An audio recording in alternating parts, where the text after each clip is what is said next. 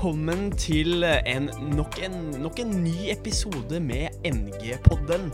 Og velkommen til deg og David Daskino igjen. Takk. Du, du kaller meg for mye rart, men det, det er helt greit, det. Ja, men det, jeg syns det må være helt lov. Ja, jeg tenker at Hvis folk som er glad i meg, kaller meg for uh, rare ting, så er det sikkert hyggelig ment. Vi sier det sånn. Ja. du, eh, David, hadde du eh, naturfagstimer når du gikk på skolen? Eller har du gått på skolen? Eh, nei, jeg hadde fritak fra skolen. Nei, nei, nei jeg hadde, jeg hadde både skole og naturfag. Um, Ja. Det jeg husker best fra naturfagstimene på skolen min, det er egentlig at vi hadde en lærer som var veldig redd for å snakke om er det naturfag man lærer det, forresten? Er litt usikker. Ja, om om sex eh, ja. ja, ja.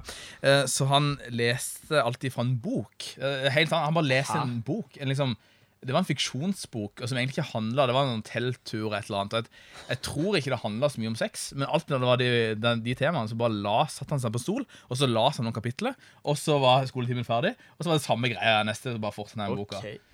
Så Så, så det er han som blir sånn der fnisete sex? litt sånn, litt sånn, ja. Okay, ja. Men har du eh, hatt naturfag, da? Ja, jeg tror jeg kanskje har gått glipp av noen sånn essensielle naturfagstimer i løpet av eh, ja, ungdomsskolen, kanskje. Okay. da. Eh, fordi jeg hadde en liten episode her om dagen hvor ja, ja, jeg hadde fått meg en ny fryser, da. Ja. Og så da tenkte jeg at jeg tenkte jeg skulle legge noen Pepsi Max-bokser oppi, oppi den fryseren her. Eh, bare for å få de kalde. Mm. Og så glemte jeg litt av de. Mm. Så når jeg kom hjem, så eh, Det var jo De var kalde, men de lå jo utover hele fryseren. Ja, ja. Eh, så da måtte jeg vaske hele fryseren, og det Det er jo Ja. da. Det er jo deilig. Ja, jo, det er for så vidt slush. Det Ja, det var ikke helt innafor. Da wasta jeg tre bokser med Pepsi Max. Det, Jeg tenker det er greit, Så lenge det ikke har vært cola, så er det, er det helt greit. Men det ja, vi får ta en sånn meningsmåling på hvem eh, Eller hva som er best av, eh, våre lyttere. Da kommer cola best ut, alltid. Men eh, nok snakk om Pepsi Max. Vi Ja. har uh, jammen meg gjester i dag òg. Det har vi, vet du. Vi har faktisk besøk av en gjest som er som et boysenbær på toppen av kremfløte-frosinga på cupcaken. Det var Og- mye på toppen av hverandre.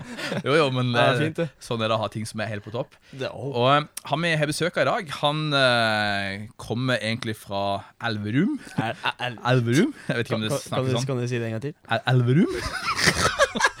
cirka, cirka noe sånt. Han eh, har hatt Ny generasjonsklubbe før. Jobba i Ny generasjon, og han har jobba masse med film opp gjennom årene. Så kan vi ikke gi en applaus? Eller i hvert fall en Kort applaus. eh, kort applaus til Joakim Skavern! Oi, oi, oi, oi. Superkleint. Ringreven Joakim Skavern. I egen person. wow. Flott. Flott På toppen av kirsebærets uh, bærplukkingshøst. Og uh, skjønte ikke helt hvor, hvor, hvor høyt oppe på toppen er jeg egentlig, David? Ja, Det er jo på en måte ikke mange som er over deg der, altså. Det, det tror jeg den, det er den heftigste introduksjonen noen har fått i podden så langt. Uh, det, det kan man si. Elverums store sønn er til Ja. komme tilbake. Vi føler oss litt begjært å ha deg her i studio. altså Dette her er jo det er stort. Du, Det er en ære for meg også. Ja, Jeg, jeg syns dette her kommer til å bli uh, veldig gøy. Ja, Jeg, jeg, jeg tror det. Ja. du, uh, Joakim. eh, hvis du skulle fortalt liksom fem korte eller lange Fem ord om deg, eh, deg selv, hva, hva skulle det vært? Fem ord om meg selv, ja. Og de, de kan både være korte ord og lange ord. Ja, det, Ja. Bare det er et Bare fem ord, da. Ja. Ok. Ja. Uh, uh, bare ord som skal beskrive meg, ja. Altså gift, vanskelig. tenker jeg. Ja. Og da i form av å være gift, ikke, Ikke- å drikke. Ikke, ja. ja, det er fint. Det er ikke lurt. Eh, eh, fotball, Oi. Jesus, Hei. TV og den siste Hvor mange er jeg på nå? Jeg er på fire. Så da må jeg legge inn en, en femte, og det kan jo være godis. Godis, ok.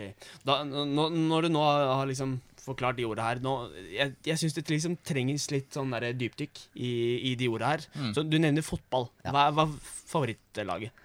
Det er Liverpool. Liverpool-supporter. Da, da drar jeg, alle sammen. Ha det.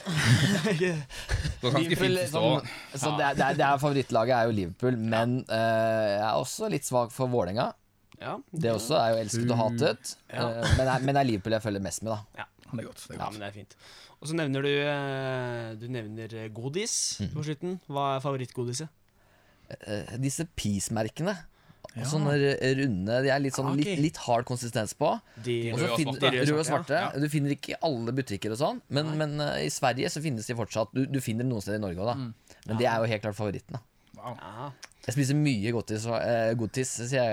Eh, godtis. heter- når du slår sammen godis og godteri, så blir det godtis. Er- Nei, jeg, jeg spiser masse godteri, ass. Eh, er til godt, det. konas fortvilelse, men uh, Det er bra at vi har Ja, noe sjokolade på bordet her nå ja. dag. Det er flott, det. Men, Det men, men det er jo, den kombinasjonen med ord her, det er jo liksom som en sånn standard tenåring i Norge, liksom. Godis, TV, Jesus, gift så Nei, kanskje ikke farlig tenåring, men, men det er jo eh, Du passer jo perfekt inn, da, liksom i, eh, i denne settinga her, tenker jeg. jeg gjør det. Men du sier TV. Hva, hva mener du liksom med TV? Liker du å se på TV, eller hva? Både elsker å se på Ja. og jobbe med. Så det, det er jo jobben min i dag, da. Jeg, jeg lager TV. Aha. Spiser du mest godteri mens du ser på TV, eller mens du lager TV? Eh, helt klart mest jeg ser på. Ja, Ja. ja. Ja, fint. Litt sånn shame, liksom, å stå med godteposen Ja. når du, Når du ja. skal spille inn. Etter at kona har lagt seg, og så bli igjen, og så sitte og se litt på Netflix, Ja. og så godteriposen, da koser deg, har seg. er ikke far, da. Vi må passe å beskytte denne poden, sånn at hun finner ut av dette. her. Det blir det veldig bra. Før vi går liksom videre eh, i programmet, så må jeg bare si at eh, ja, jeg har liksom hørt deg rundt omkring litt eh, vi, har vært litt rundt eh, I hvert fall på et arrangement, og, og jeg har hørt deg litt forskjellige steder eh, snakke. Og jeg må bare si at du har kanskje Norges deiligste stemme. Hey. Eh, og det, ja, det, det må jeg bare si, og det, det kan hende også lytterne våre også um, tenker på utover i uh, sendinga, i hvert fall nå. Uh, men jeg tenker vi skal også lage en sånn meningsmåling på hvem i landet her har Norges deiligste stemme. Så jeg tror Ja. kan du og Knut Arild Hareide kanskje kan ja. drive og konkurrere litt. Han er i hvert fall veldig kjent for stemmen. Ja.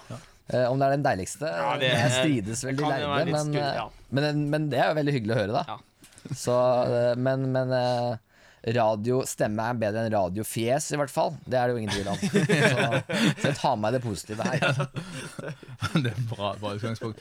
Det, det, er sånn at uh, Vi har hatt én felles lidenskap, eller sikkert flere felles lidenskaper. da, men kan Både Jesus og smågodt og andre ting jeg er glad jeg òg. Men, uh, men en av tingene som vi begge to har vært litt opptatt av, er jo kebab. Mm. Um, og eh, for noen år siden, når du, når du jobba i Ny Nasjon, så husker vi liksom satt og drodla litt rundt det. Og jeg tror vi kom fram til at jeg hadde på det tidspunktet spist litt flere kebab enn deg. Eh, så jeg vet ikke om du har noe sånn oppdaterte tall? da Om du har et cirka-tall nå på hvor mange sjapper du har spist på? Det er litt viktig for meg, faktisk. Ja. Ja, altså jeg vet ikke hvor mange. Jeg vet bare at uh, kona har jo begrenset meg. Jeg får bare lov til å ha én i uka. Oi. Oi. Det er, det er Det er ganske strenge forhold. Det var derfor jeg sto og, og mellom valget Skal jeg velge godteri som ordet som beskriver meg, eller skal jeg ta kebab? Ja, sant. Jeg tenkte du skulle velge mellom kebab og kone. Men Det var ikke tatt. Jeg slites mellom de fortsatt. Nei, eh, eh, kebab Jeg vet ikke hvor mange sjapper jeg har hatt. Jeg vet mer sånn sære ting. At jeg har spist reinsdyrkebab, strutsekebab og, og sånne ting. Men, men hvilke sjapper Men det, har jo, det, det vet jeg ikke. Nei. Men jeg vet at jeg har vært i nord og vest og øst og sør, og egentlig de fleste landsdeler, da. Så, så jeg tror du har bedre oversikt uh, over uh, hvor mange kebaber du har spist. Yrkesskade. Det, det er litt, litt sånn det blir. Men uh, det er jo Det er i hvert fall én kebabopplevelse jeg fort tenker på når jeg tenker på deg. Um, jeg, for, jeg tror jeg fortalte det til, det, det til deg rett til det hadde skjedd, men for, for noen år siden så, så var jeg i Elverum. Uh, og da tenkte jeg liksom jeg må sende melding til Joakim og høre hvor er det var kebab. Jeg vet ikke om du husker SMS-en du sendte til meg da, men du, du sa til at uh, den på høyre side av veien i gågata, den er bra. Uh, og da tenkte jeg at ja, la meg høre på Joakim Skavern, da, som har liksom peiling på kebab i Elverum, og som er født og oppvokst der, og har spist masse kebab der. Så jeg tar den på høyre side av veien. Problemet var bare at jeg kom gående fra motsatt side av veien enn det du hadde tenkt. Som var naturlig egentlig å komme, da. Uh, og da stussa litt på at det var, liksom masse, det var ganske mye kø på den ene, og så var det ingen på den andre. Og til og med de jeg var med, var sånn Du skal ikke spise på den andre. Bare, nei, nei, Joakim Skarman har anbefalt denne her. Og ingen andre tør å bestille kebab der. Men jeg ender opp med å spise en kebab. Og det ender med at jeg første gang i livet mitt spiser skikkelig dårlig av en kebab. Uh, og, og må til legen og få påvist sånn giftstoff i kroppen pga. den kebaben du spiste. Det var ikke fordi kebaben var for skitten, men den var for rein. Det var for mye vaskemiddel i kebaben. Og Det er en litt, sånn, litt annerledes opplevelse enn det man kanskje først tenker med kebab. Så egentlig så har vi lyst i dag til å ta med en litt dårlig kebab her. Ja. Eh, men så var den stengt av Mattilsynet. den. Var ikke oppe i dag. Så det, det, det funka ikke. Den er her borte i gata her. Så da, da får vi ha det til gode. Men det, det er jo den eneste regelen jeg har. Eller jeg, jeg har eh, to regler da når det kommer til kebabspising. Altså Det må ikke koste under 35 kroner.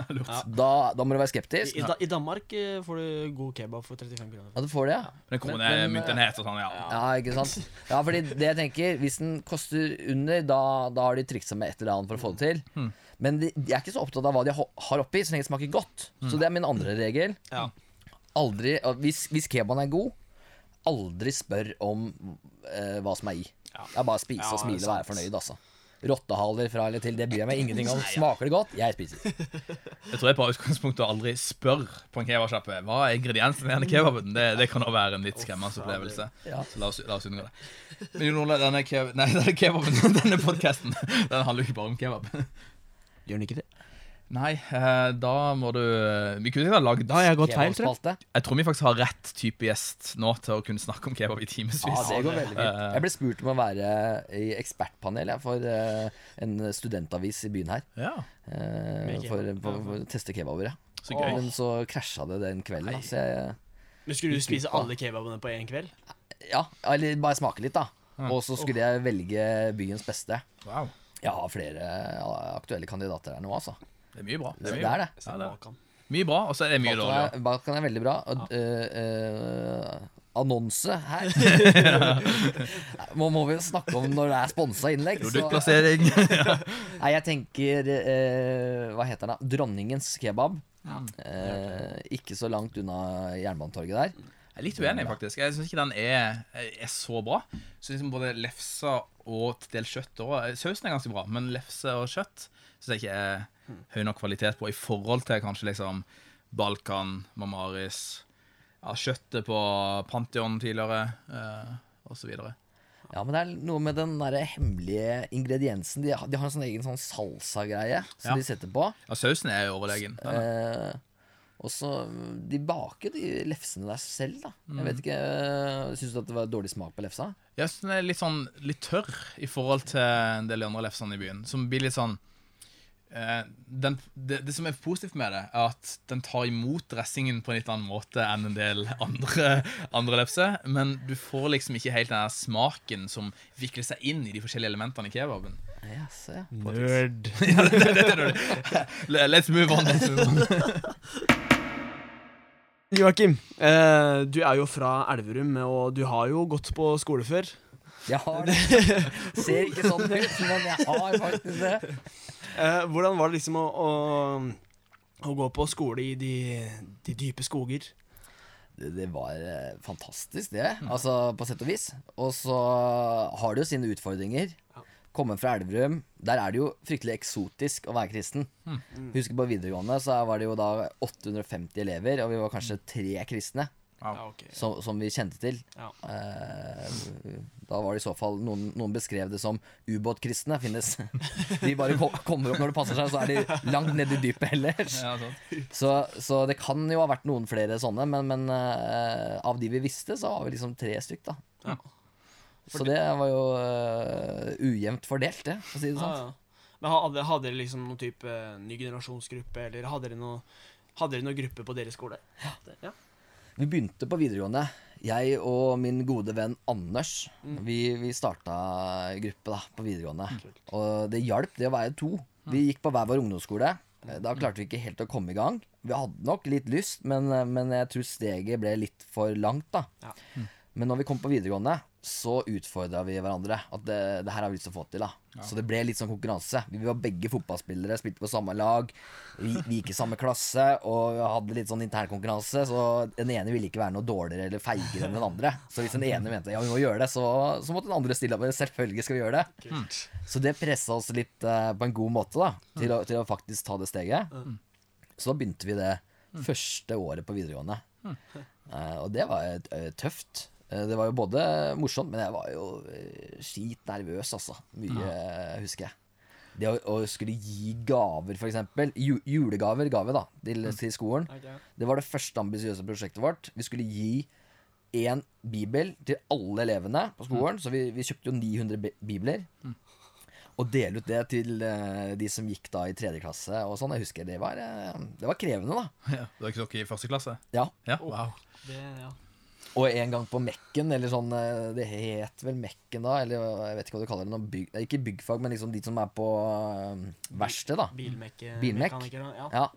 De, eh, jeg husker en fikk eh, en bibel en gang, da. Og den var jo pakka inn fint, så det så ut som en gave. Han visste ikke hva som var in. Så vi gikk rundt og delte ut gaver, og så hører vi bare at han åpner papiret, og så ser han at det er en bibel der, og han bare Å, fy faen! Og så løp han imot oss og drev oss av gårde. Uh, så jeg merker liksom Det er nærmest jeg kommer til å bli for full. Tøffe, tøffe saker på Elverum, altså. Det var ikke bare lett det. Men hvis dere var, dere var tre kristne på en måte i, på en skole med 850, så er jo det en liten minoritet, da, kan man jo trygt si. Det kan man si. Eh, hvordan, hvordan opplevdes det på en måte i de vanlige skoletimene og i friminuttene? Var det, var det på en måte en, et tøft klima å være, å være kristen i? Jeg vil si eh, både og. Eh, For meg har det ikke vært så tøft eh, å være kristen. Men ved at jeg har gjort det så synlig, da, så har jeg fått litt mer oppmerksomhet rundt det. Mye av det har vært positivt. Men jeg tror også at en del av redningen har vært for min del at jeg var ganske god i fotball. Så jeg hadde en, en slags respekt da i ungdomsgjengen fordi de visste at ja, men Joakim han er jo en oppegående type, han er jo relativt kul, og så er god til å spille fotball. Eh, og så er det jo litt rart, men sånn er jo samfunnet. At hvis du er god i idrett, så, så, så slipper du litt billigere unna på en del ting. da Så jeg tror at det gjorde at jeg fikk eh, troverdighet også som kristen. At de tenkte at ja, men han er jo ikke en sånn gærning. Eh, han kan jo faktisk spille fotball, og det kan være gøy å være rundt den. da Så folk tenker egentlig at ingen kristne kan spille fotball. Ja, ja Så vi det må egentlig bare lage sånn kristen fotballeir. Ja. Ja, ok. Det fint. Nei, jeg, jeg tror det var eh, rett og slett eh, at man fikk litt mer creds av det. Som gjorde at da var det lettere for meg. Mm. Men eh, jeg tror generelt er det litt krevende å være kristen som går veldig motstrøms, da. Én ting er å være kristen og tenke litt sånn at jeg eh, jeg tror på Gud, jeg har min tro, og så, og så holder du den for deg selv, som er helt greit, det. Men idet du begynner å, å snakke om det offentlig, da Invitere noen til å høre på en andakt, eller eh, en andakt En. En andakt. Eh, eller at du, du gjør noe offentlig med troen. Så blir det litt mer eh, konflikt ofte, da. Og da må, møter du motstand og, og mm, både på den positive og den negative siden. da Fordi det positive er at uh, folk har også veldig respekt for folk som står for noe.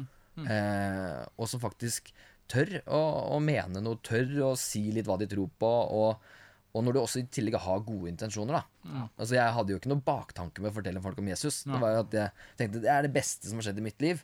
Jeg vil jo at andre skal få oppleve det samme. Akkurat. Og det tror jeg også folk syntes var kult. da De hadde respekt for at man kunne, kunne stå for noe.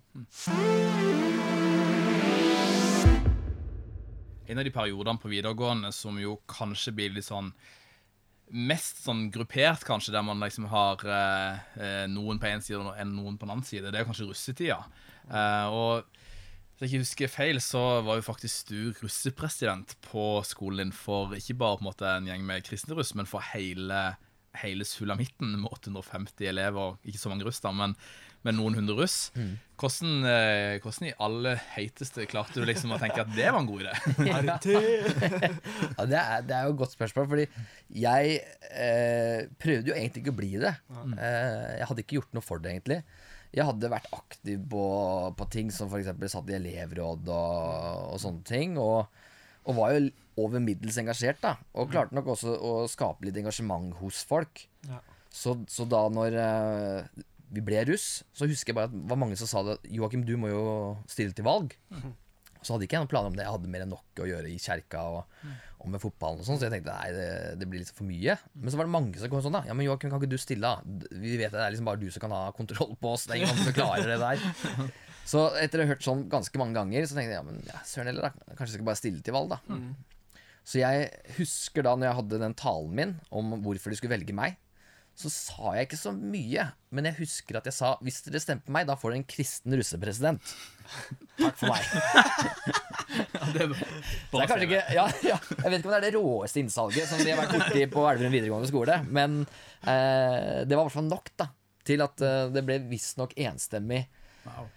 vedtatt at det var jeg som skulle bli russepresident. Det er ganske Eh, sykt. Det kan hende at det er litt korrosjon der, for jeg lurer på om de ga opp å telle etter hvert. For de sa det var bare Joakim, Joakim, Joakim, men så slutta de bare å telle. Så konsentrerte de seg om de andre stemmene. Men det var det de sa, da, at det ble enstemmig. Og, og da tenkte jeg nå har jeg et mandat, da. De har valgt meg av en grunn. Jeg har ikke egentlig gjort noe særlig for å bli valgt. Og da kan jeg jo håper å si, mene litt og, og kjempe litt og, gjøre det jeg kan. Og så er det jo en tid som er blanda med mye forskjellige greier. Men jeg er veldig opptatt av at man skal være der det skjer. Man må, må, må henge med folk som er annerledes enn deg, som tror noe annet. Og det er der vi kan påvirke, det er der vi kan faktisk være med og, og utrette en forskjell. Da. Så for meg var det veldig viktig å være på flest mulig fester og, og landstreff og sånt noe. Og så skilte jeg meg ut ved at jeg drakk ikke, men jeg kunne være med like mye på, på moroa, da. Ja. Så eh, jeg ser tilbake på den tida som en utrolig morsom tid, da. Og slitsom. Det er klart, eh, det er jo litt uh, ryddejobb òg. Det er jo 200-300 gærninger liksom, som du skal prøve å ha kontroll på. da Så jeg var jo en del inne hos rektor da. Men det er liksom, det er tracken min gjennom hele livet. Jeg har vært på rektors kontor siden barneskolen Wow. til og med videregående. Så, så, så det er ikke noe nytt det å måtte stille Ja, okay. skolerett hos rektor, da. Er det fordi liksom ideene gikk for langt, og du gjorde for drøye ting, eller? eh? Ja, altså den første Eller første gang jeg er hos rektor Det er jo på barneskolen da, sitter, da er det jeg og en kompis Som man senere avdekket at han hadde ADHD Så han fikk ikke helt den hjelpen han skulle ha da Men vi fant jo på mye, mye sprell eh, eh, Før han fikk medisiner Og da var det en gang at vi skulle gå inn eh, og, og vi låste opp disse toalettene Fordi du kunne låse opp fra utsida Ja. og så sitter jeg der eh, med kompisen min som bare får for oss Nå skal vi gjøre de greiene her. Vi går rundt og begynner å låse opp. Og så låser vi jo egentlig bare opp døra. Eh, bare for å få folk til å stresse litt. Vi, vi, vi, vi, åpna jo ikke opp.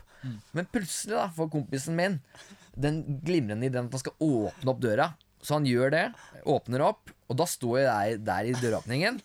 Og står og ser ansikt til ansikt på rektor. Som sitter og driter og, og får øyekontakt. Ja, da var det bare å løpe på harde livet. Det er vanskelig å unnskylde, unnskylde seg da og komme seg unna det. Så hvis den denne rektoren hører på denne podden nå tilfeldigvis, så kan du vite at eh, det ble mandag i slutt allikevel. Beklager det, Harald. ja, det er veldig, veldig gøy. Jeg, jeg eh, las tilbake en eh, artikkel i et nygenerasjonsmagasin for eh, ganske lang tid tilbake, der du ble intervjua som liksom, russepresident på skolen din. Uh, og Da sto det om at du hadde en egen russeknute som du på en måte lanserte. Kan ikke du fortelle litt om eh, russeknuten? Ja, eh, det, det jeg, jeg tror det var et slags eh, guddommelig øyeblikk da, hvor det plutselig kommer en, en idé. Litt sånn lyn fra klar himmel. Plutselig får jeg en idé. Det her har jeg lyst til å få til. Og da var det at jeg skulle lage en russeknute som var 15 minutter Jesuspreik med presidenten. Eh, da skulle du få et eh, kors i lua, eh, og så eh, måtte du da sitte og preike med meg om Jesus i 15 minutter. da og så tenkte jeg liksom, hvordan går jeg frem for å få frem denne ideen her? Det, det, det har jeg aldri hørt om før, liksom. Eh, Så jeg gikk til knutesjefen da og spør han hva han syns om dette. Og så har jo vi for ikke så lenge siden vært på en hyttetur, vi gikk i samme klasse, med, med idrettsfag. da Og så hadde vi hatt en sånn god samtale om tro. Ja, jeg og knutesjefen. Ja. og den liksom gikk langt ut på natta, da. Og han bare syntes at dette her er jo kjempespennende. Så han bare ja ja, den ideen er jo dritbra. Den, den kjører vi på med. Så han bare sa kjør på som du vil, og, og da introduserte jeg jo bare det, og, og, så spredte det seg ganske fort, da. Så jeg tror jo at jeg hadde sånn godt eh, over 40-50 samtaler. Eh, og jeg husker også, det er jo det jeg husker best, det er jo egentlig at folk kom til meg etter russetida. Så sa de det. Du, vi rakk jo ikke ta den russeknuta. Har du mulighet til å ta nå, eller? OK, da. Jeg kan, jeg kan også meg. Nei, og det, det er jo egentlig helt rått, fordi eh, det var ingen av samtalene som bare var eh, 15 minutter. Altså alle var jo mye mer. Eh, det var gjerne halvtime og, og lenger, da. Så merker jeg da at folk er utrolig interessert da eh, i å høre om, om personlig tro. De har lyst til å høre om Jesus. Jeg tror bare at de har møtt en sånn innpakning, veldig mange. Og det er så mye fordommer. Eh, og de tenker også at kristne har en sånn holdning om at ja, men troen er privat. Det er ikke noe jeg snakker om. Så ved å gjøre den veldig offentlig, da sier de ja, men jeg er kristen, jeg elsker å snakke om Jesus. Det er bare å spørre. Har ikke noe problem med det. Så, så var det en sånn unnskyldning for folk. Ja, men jeg har lyst til å snakke om Jesus. Og der sitter en løk borti her, han kaller seg russepresident og sier 'snakk med meg om Jesus'. Så, så får folk det påskuddet, da. Og, og går bort og, og tar en prat. Wow. Det er nesten som å se liksom vikingtida i Norge. Bare utøvd på en litt moderne drakt på Elverum VGS med russe, russe, på, liksom. Mindre halshugging, mer Ja. frivillighet. Ja, det, det, det er godt å høre. Men, men til, til de ungdommene som, som lytter på nå, som går på videregående og ungdomsskole og sånt, og, og kanskje er litt sånn i den fasen som at uh, Ja, jeg er litt sånn Jeg veit ikke helt om jeg tør å, tør å gå liksom helt ut med troa mi. Uh, fordi man kanskje er sårbar og sånt. Uh, hvordan Har du noen tips til de hvordan de kan gjøre det her uten å nødvendigvis bli russepresident ut av det? Men uh, har du noen tips på det? Min historie er nok litt sånn at uh, jeg er utrolig glad for at jeg klarte å hente frem det motet til å gjøre det. Mm. Eh, angrer ikke på det, er veldig glad for at jeg gjorde det. Men i min historie så er det også et sterkt element av at jeg følte at det var ganske skummelt. Selv om jeg, jeg kan sikkert fake til ganske greit. Så når jeg sto foran folk og snakka, så mange som tenkte oi, for en selvtillit han har. Men ikke sant, jeg skalv som et aspeløv. Jeg var på dass før, husker jeg. Jeg pissa jo liksom tre-fire ganger, for jeg bare var så nervøs, og, og blæra ble helt uh, forknytt, liksom. Så, så, så det er viktig å få frem det òg. At det, det er ikke sånn at jeg hadde bare massivt selvtillit, eh, og så liksom var det aldri noen utfordringer. Men jeg hadde lyst til å liksom pushe det litt. da Altså Selv om jeg føler meg litt usikker, så har jeg lyst, for jeg mener at dette er viktig. Og, og, og dypest sett så syns jeg det er eh, gøy og godt. da Ja. Så det handler litt om å finne de rammene man er komfortable med. Jeg vet ikke om det å gå for russepresident er liksom den beste måten for alle. Men det, å, det er nok utfordringer da, i det å bare samle noen og be. Eller å si sånn Ok, i løpet av dette semesteret så har jeg lyst til å få til eh, to-tre samtaler med noen i klassen min om Jesus. Altså sette et realistisk mål, da, som allikevel strekker deg. Eh, Det tror jeg er veldig gunstig, da, for da finner du noe som du tenker at ja, dette kan jeg få til. Men samtidig så, så er det greit at det er litt vanskelig eller litt krevende. Komme litt ut av komfortsonen? Ja, jeg, jeg tror man må det, da. Eh, for det er, det, er, eh, det er jo en tid hvor du prøver å finne deg sjæl. Det er masse som spiller inn med sånn sosiale koder på skolen, vennegjeng, og, og du, du risikerer litt også ved å gjøre det, da. Eh, og det, det har jeg stor forståelse for. Og at folk kan også synes at det kanskje blir litt for vanskelig. Eh, men allikevel så er det så verdt det, da. Det er i hvert fall min erfaring at eh, jeg er kjempeglad for at jeg gjorde det. Og, og, og folk kaller meg jo han derre Jesus eh, på, i, i vennegjengen fortsatt, liksom. Fordi jeg har jo skilt meg tydelig ut. Ja. Men, men jeg er så glad for det, da. Og, og det å sitte og ha trossamtaler med folk, det er jo noe av det beste jeg gjør. Eh, også den dag i dag. Men, eh, men jeg leter etter de mulighetene. da. Og, og på videregående så var det jo sånn at det var den beste arenaen. For her var det en gjeng samla. Det var både venner av deg og bekjente, og det var en svær gjeng. ikke sant? Alle sitter og har lunsj sammen, du har fritimer, du har mange muligheter til å henge med folk. da. Det er ikke så lett for meg i dag nå som jeg jobber, fordi eh, da har du kollegaene dine, liksom. Og det kan være en stor eller liten gjeng, og det kan være folk som er eh, troende eller ikke-troende. Så du, du har ikke den muligheten til å møte så mange hele tiden, da. Eh, så det er jeg mest glad for, at jeg bare utnyttet den tida maks. For det er så mye spennende folk. mm. du kan bli kjent med, du kan eh, få nye vennskap, og, det, og i det hele tatt bli utfordra, da. Jeg er så glad for at jeg har venner som er så ulike meg også. Eh, og det, det kommer jo mye fordi at jeg, jeg ville ha kontakt med mange forskjellige, da. Og det fikk jeg gjennom eh, videregående, så, så så jeg snakka mye, men jeg husker ikke helt spørsmålet. Men jeg håper jeg er litt, litt innafor det du spurte om. Ja, ja, ja. Det er veldig, veldig, veldig good. Etter videregående Joakim, så starta du ganske fort på Team i yngre generasjon. og Reiste rundt og besøkte masse skoler i Norge og fikk eh, besøke en del kirker og preke og inspirere ungdom til å ta med seg Jesus i hverdagen og på skolen sin. Hvorfor i alle huteste, heiteste Ramón sier det på, valgte du det? Jo, den huteste grunnen til at jeg valgte det, da, det var at jeg, jeg, jeg ønska å gi noe tilbake, egentlig. Ny generasjon hadde vært viktig for meg gjennom tre år. Det hadde vært en organisasjon som heia på meg og prøvde å, å, å hjelpe meg så at jeg kunne lykkes med det jeg hadde lyst til å få til. Og så opplevde jeg personlig at jeg vokste veldig mye, da. Både som menneske, men også i min etterfølgelse av Jesus. At uh, troen ble viktigere for meg, og det ble uh, en del av livet som jeg, som jeg likte veldig godt. da. Så jeg tenkte det her er så bra, det har jeg lyst til at enda flere skal få oppleve. Så da syns jeg det var veldig fint da, å kunne gi noe tilbake til ny generasjon. Så da fikk jeg ett år med bibelskole, og hvor jeg var på team i ny generasjon, og reiste rundt og hadde lyst til å, å gi på den måten. da. Ja, så det handla egentlig mest om å liksom bare kunne gi det videre. At det her syns jeg er så bra. Jeg har veldig tro på det. Eh, Jeg tenker skolearbeid er liksom eh, så fornuftig. Eh, Det, det er til hjelp for, for seg selv og så mange rundt den. Så det vil jeg virkelig heie på, da. Så jeg dedikerte da ett år som en sånn uh, pay it forward. Veldig kult. Og det er jo ikke så mange år lenger nede i gata, så var du òg ansatt i Ny generasjon en periode og ja, jobba med, med litt forskjellig event eh, og litt partnerkirke og litt forskjellig. Og det jeg lurer litt på, er hvorfor er dette fremdeles viktig for deg, dette med å spre evangeliet på skole- og studiesteder? Det er eh, litt strategisk. Jeg tenker det er veldig fornuftig eh, å gjøre Jesus til, tilgjengelig på skoler. Da. Der er alle. Eh, der blir du utfordra på de du er venner med, de du ikke kjenner, og de som har det vanskelig. Og du, du møter liksom hele samfunnet på ett sted.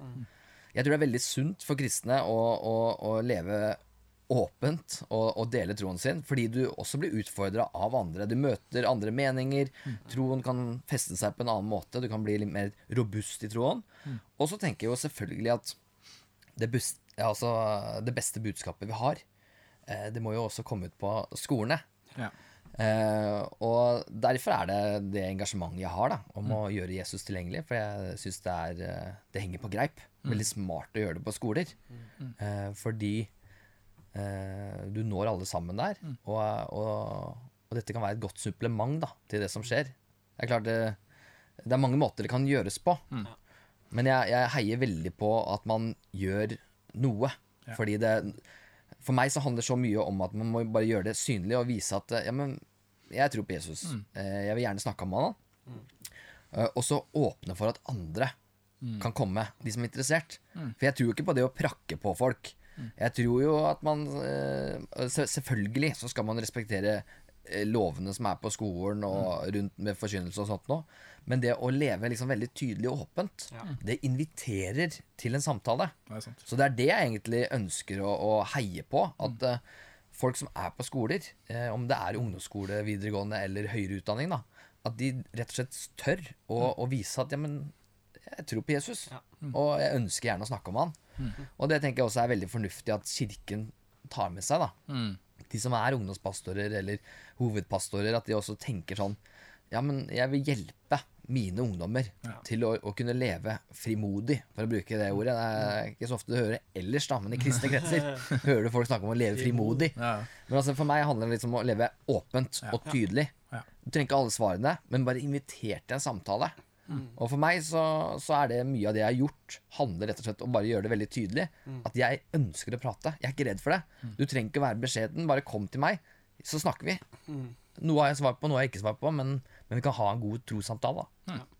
Jeg tror nok ungdommer også, også ønsker å liksom leve et tydelig, tydelig liv på skolen. Eh, men eh, hvor var det liksom du For det er jo det er ikke like lett hele tida, som du sier. Eh, men hvor var det du liksom fant styrken eller støtten eh, i de Hvis du følte at det gikk litt imot, eh, kanskje? Var det noe Ja. spesielt sted du fikk støtte fra? Ja, det er- to store støttespillere, da. Kanskje tre. Eh, det ene var jo kompisen min Anders. Han var utrolig viktig. Jeg vet ikke om jeg hadde klart det uten han, fordi det var, ut, eh, det var så avgjørende at vi kunne utfordre hverandre og støtte hverandre hvis det var vanskelig, og tulle med ting hvis det gikk helt skeis. Eh, og så var menigheten helt avgjørende. Deres støtte. Hvis jeg sa at jeg skal ha en skoleandakt, trenger en, en kake, folk meldte seg på. Ja, men du får den av meg. Jeg lager den. Du får den klar. Eh, og så sier jeg at det er kanskje tre, fordi familien min og, og menigheten det går litt i ett. For min familie gikk også i den menigheten. Men også støtten på hjemmebane. At de syntes dette her var viktig. Eh, og at jeg hadde noen som backer meg, det, det tror jeg var helt eh, avgjørende for at jeg skulle klare dette her. da Og det syns jeg er viktig for andre også, at man har en sånn rotfesting da, i en, en kirke, i et ungdomsmiljø, eh, noen som heier på deg. Noen kommer kanskje fra et hjem hvor man ikke snakker om tro, eller at det kanskje ikke er noen troende, og da er det desto viktigere at man sørger for at man har et miljø som, som støtter den, da, hvor man får den oppbackinga. Vi hadde jo veldig sjelden folk utenfra som kom til vår skole og gjorde ting. Det var mm, ofte vi som gjorde det selv. Men det finnes også muligheter for å kunne dra inn andre hvis du trenger hjelp til noe. da. Jeg brukte mer sånn øh, øh, Jeg var mer tydelig på at jeg skal bruke det jeg har på skolen. Så jeg brukte øh, venner av meg som ikke var troende, til å være med å danse og synge og gjøre ting. Så jeg tenker det er mye du kan gjøre sånn også. Men øh, hvis du er alene, så, så handler det om å finne et sted hvor du får den backupen. da. Og det er klart, jeg tror også på at det- finnes en, en guddommelig kraft der. At du kan få, øh, få styrke og mot i, i hverdagen.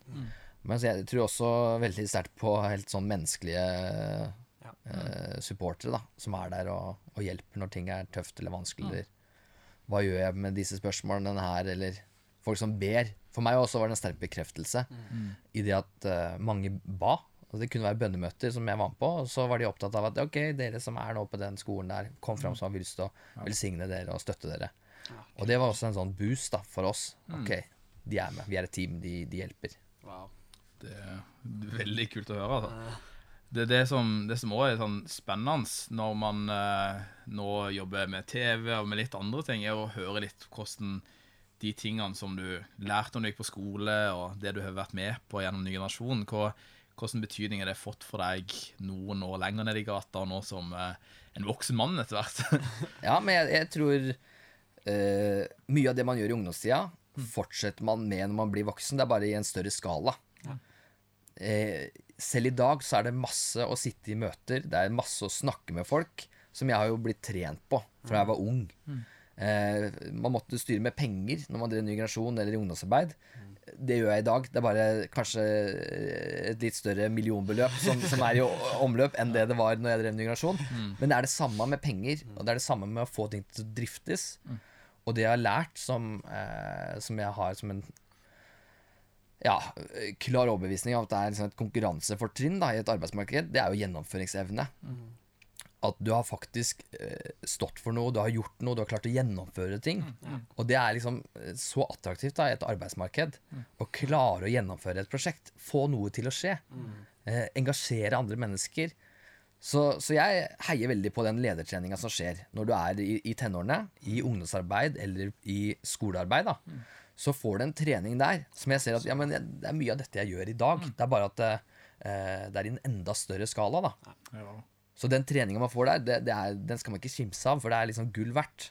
Det å snakke foran folk eh, i en forsamling, f.eks., for eksempel, som mange syns er helt pyton, eh, det stortrives jeg med nå, fordi jeg ble eh, trent på dette når jeg var ung. ikke sant?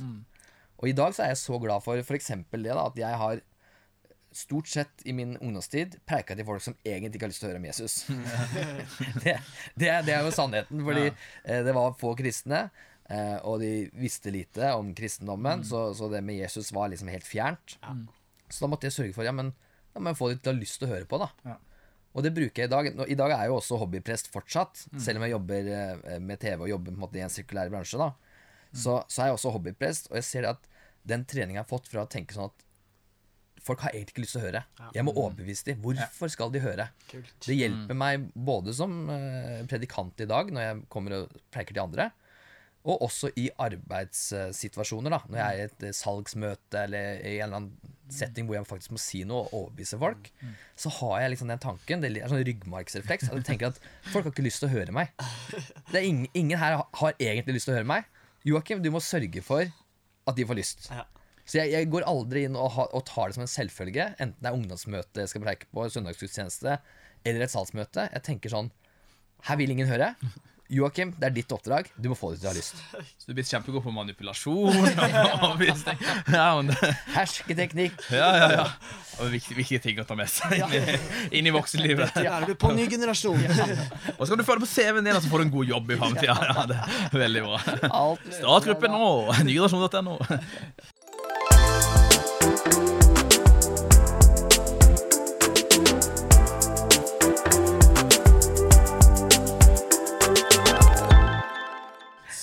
Valte. kleint, så kleint. David, du har vært uh, ute blant eh, urfolk og hanka inn noen småhistorier. Ja. Hvor, uh, hvor befinner vi oss i verden i dag? I dag så befinner vi oss eh, 77 lengdegrader nord, eh, 84 breddegrader sør. Nei da. Uh, Vi skal til USA. Og- USA. USA. Og til et sted som mange kanskje forbinder med litt sånne navn på eh, tradisjonelle pinsemenigheter i Norge. Um, Ja. Men det er, er det Britannia? en- et, det er ikke Britannia. Nei. Det er Philadelphia. Philadelphia. Philadelphia. uh, som staves slik som den osten. Ikke om den kommer oh, derfra, men det er jo Den en er, digresjon. den er god. Den er god. Den er veldig god, spesielt i ostekake. Anyway, det som er greia at i USA så prøver de liksom å komme med litt sånne helt nye typer skoler. Tenke nytt og tenke kreativt og liksom blåse opp perspektivet om hva som er mulig på en skole. Og det som de rett og slett har gjort, det er å lage en skole med navnet School of Future. Da Fremtidens skole. da setter du liksom lista der, da. på en måte. Det, det er jo sånn eh, Når den skolen ble åpna i 2006, så var det sikkert veldig framtidsretta. Og så er det ikke sikkert det er så framtidsretta nå, for teknologi går ganske fort. Så man må liksom hele tida der jobbe på da, eh, for å holde tritt. På en måte. School of Future, ja, faktisk. School of Future. Så det som er greia med den skolen, det er egentlig en skole som ser veldig heftig ut. Den ser veldig moderne ut. Okay. er liksom, den er kulere enn Barcode. Det er, det er ikke til forkleinelse for Barcode, men det ser, det ser sykt proft å gå der. da. Og man tenker liksom at dette her er liksom det ypperste av det teknologiske som verden har by på. Går, det viktigste spørsmålet Går folk i dresser? Litt usikker, faktisk, uh, på det. Vi Eh, på alle bildene de har lagt ut, så har jeg ikke sett noen folk. Så jeg tror de er mest fornøyd med å liksom vise fram sine tekniske løsninger og hvordan dørene fungerer. Ja, Og men Det er hvordan- fremtidens skole. Der er det ikke folk. Nei, det er sant. Det, kanskje de bare sitter hjemme. De bare Ja. har et fint bygg et sted. Vi får jo bare sånn kapsel. Bare dytta inn, og der er det info. Det, det er fremtidsrettet skole for meg, da. Minne, Ja. Minnebrikke. Ja. Det er veldig godt mulig. Men det er en ting som er forbudt på den skolen. Er dere spent på hva det er for noe? ja, jeg er ganske spent. Antivirusprogram. Hvis det er bare én ting som er forbudt, så er jeg veldig spent. Det er lov med våpen. Ja, det, det er én ting som er forbudt, og det er skrivebøker. Åh, det er jo helt nydelig. Og det tenker jeg er veldig fint, for jeg har en ganske sånn gresk skrift. Så jeg tenker det er greit for min del. Jeg, jeg kunne egentlig gått der, da. Så hadde folk forstått, forstått skrifta mi, for jeg kunne bare skrive på PC. Men hvorfor er det, hvorfor er det ikke tillatt? Fordi det er ikke framtiden? Nei, det er nok litt fordi det er lite framtidsretta, ja. Og de, alt skal være digitalt. Så Ja. de skryter veldig på nettsida si at alle får laptop. Og jeg tenker kanskje at det er ikke så moderne. Mange skoler som får laptop. Det starter vi med i 67. Ja, det det er akkurat det. Men du har ingen bøker, og du har ingen notatbøker. Så du har heller ingen bøker du leser. Alt foregår på skjerm, da.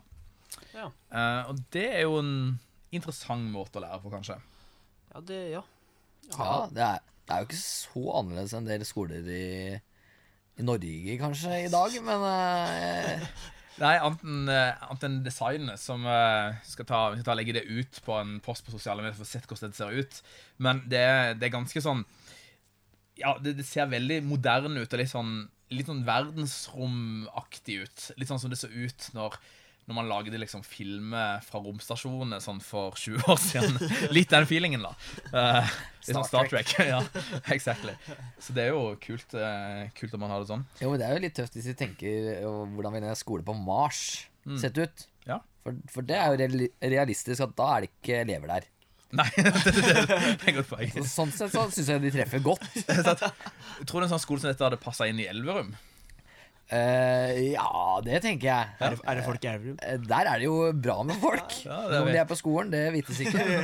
Nei, jeg tror jo uh, fremtidsretta skole. Nå har de akkurat fått ny videregående skole i Elverum. Ja.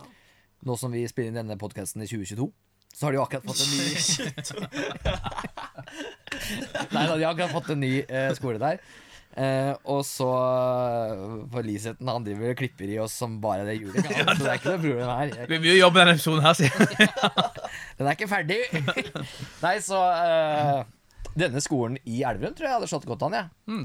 Bare kjørt skjerm og iPad og Det som er fordelen der, da kan man jo ha på en måte en foreleser, kanskje bare én lærer i hele verden.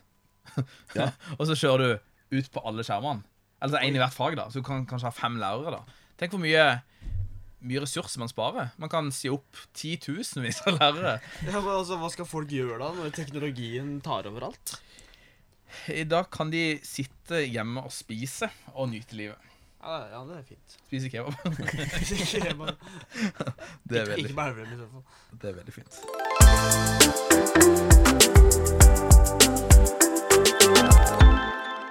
Vi eh, begynner å nærme oss en avslutning på, eh, på denne episoden her, eh, Joakim. Eh, Men hvis du skulle liksom hatt ett et tips til ungdommene der ute eh, på skolene, hva, hva hadde det vært? Ja, tenker du litt sånn generelt i, i livet, eller for å drive en ny generasjonsgruppe, eller? Ja, det, ja Det kan være en kombinasjon. Hvis vi får begge deler i samme tips, så er det ganske next level. Ja, da, da skal vi prøve, prøve å svare på begge deler, ja.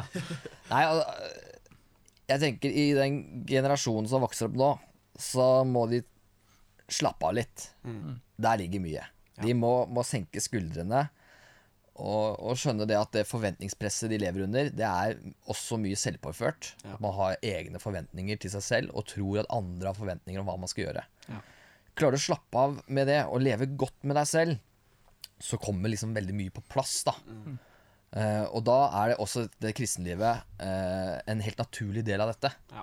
At det går an å leve kristenliv med en hvilepuls. Uh, du kan ha det fett og moro og være med på alle arenaer du har lyst til, og være kristen der. Det er ikke noe sånn delt opp at du er kristen kun i kirka, og så lever du et helt annet liv ellers.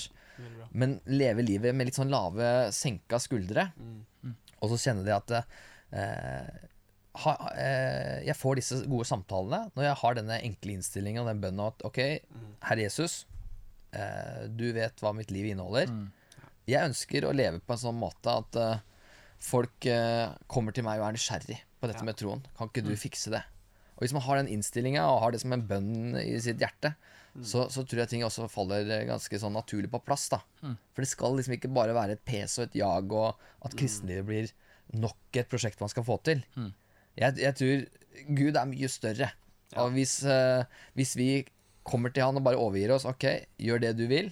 Uh, jeg, jeg stoler på at din gode vilje, det er det beste for meg.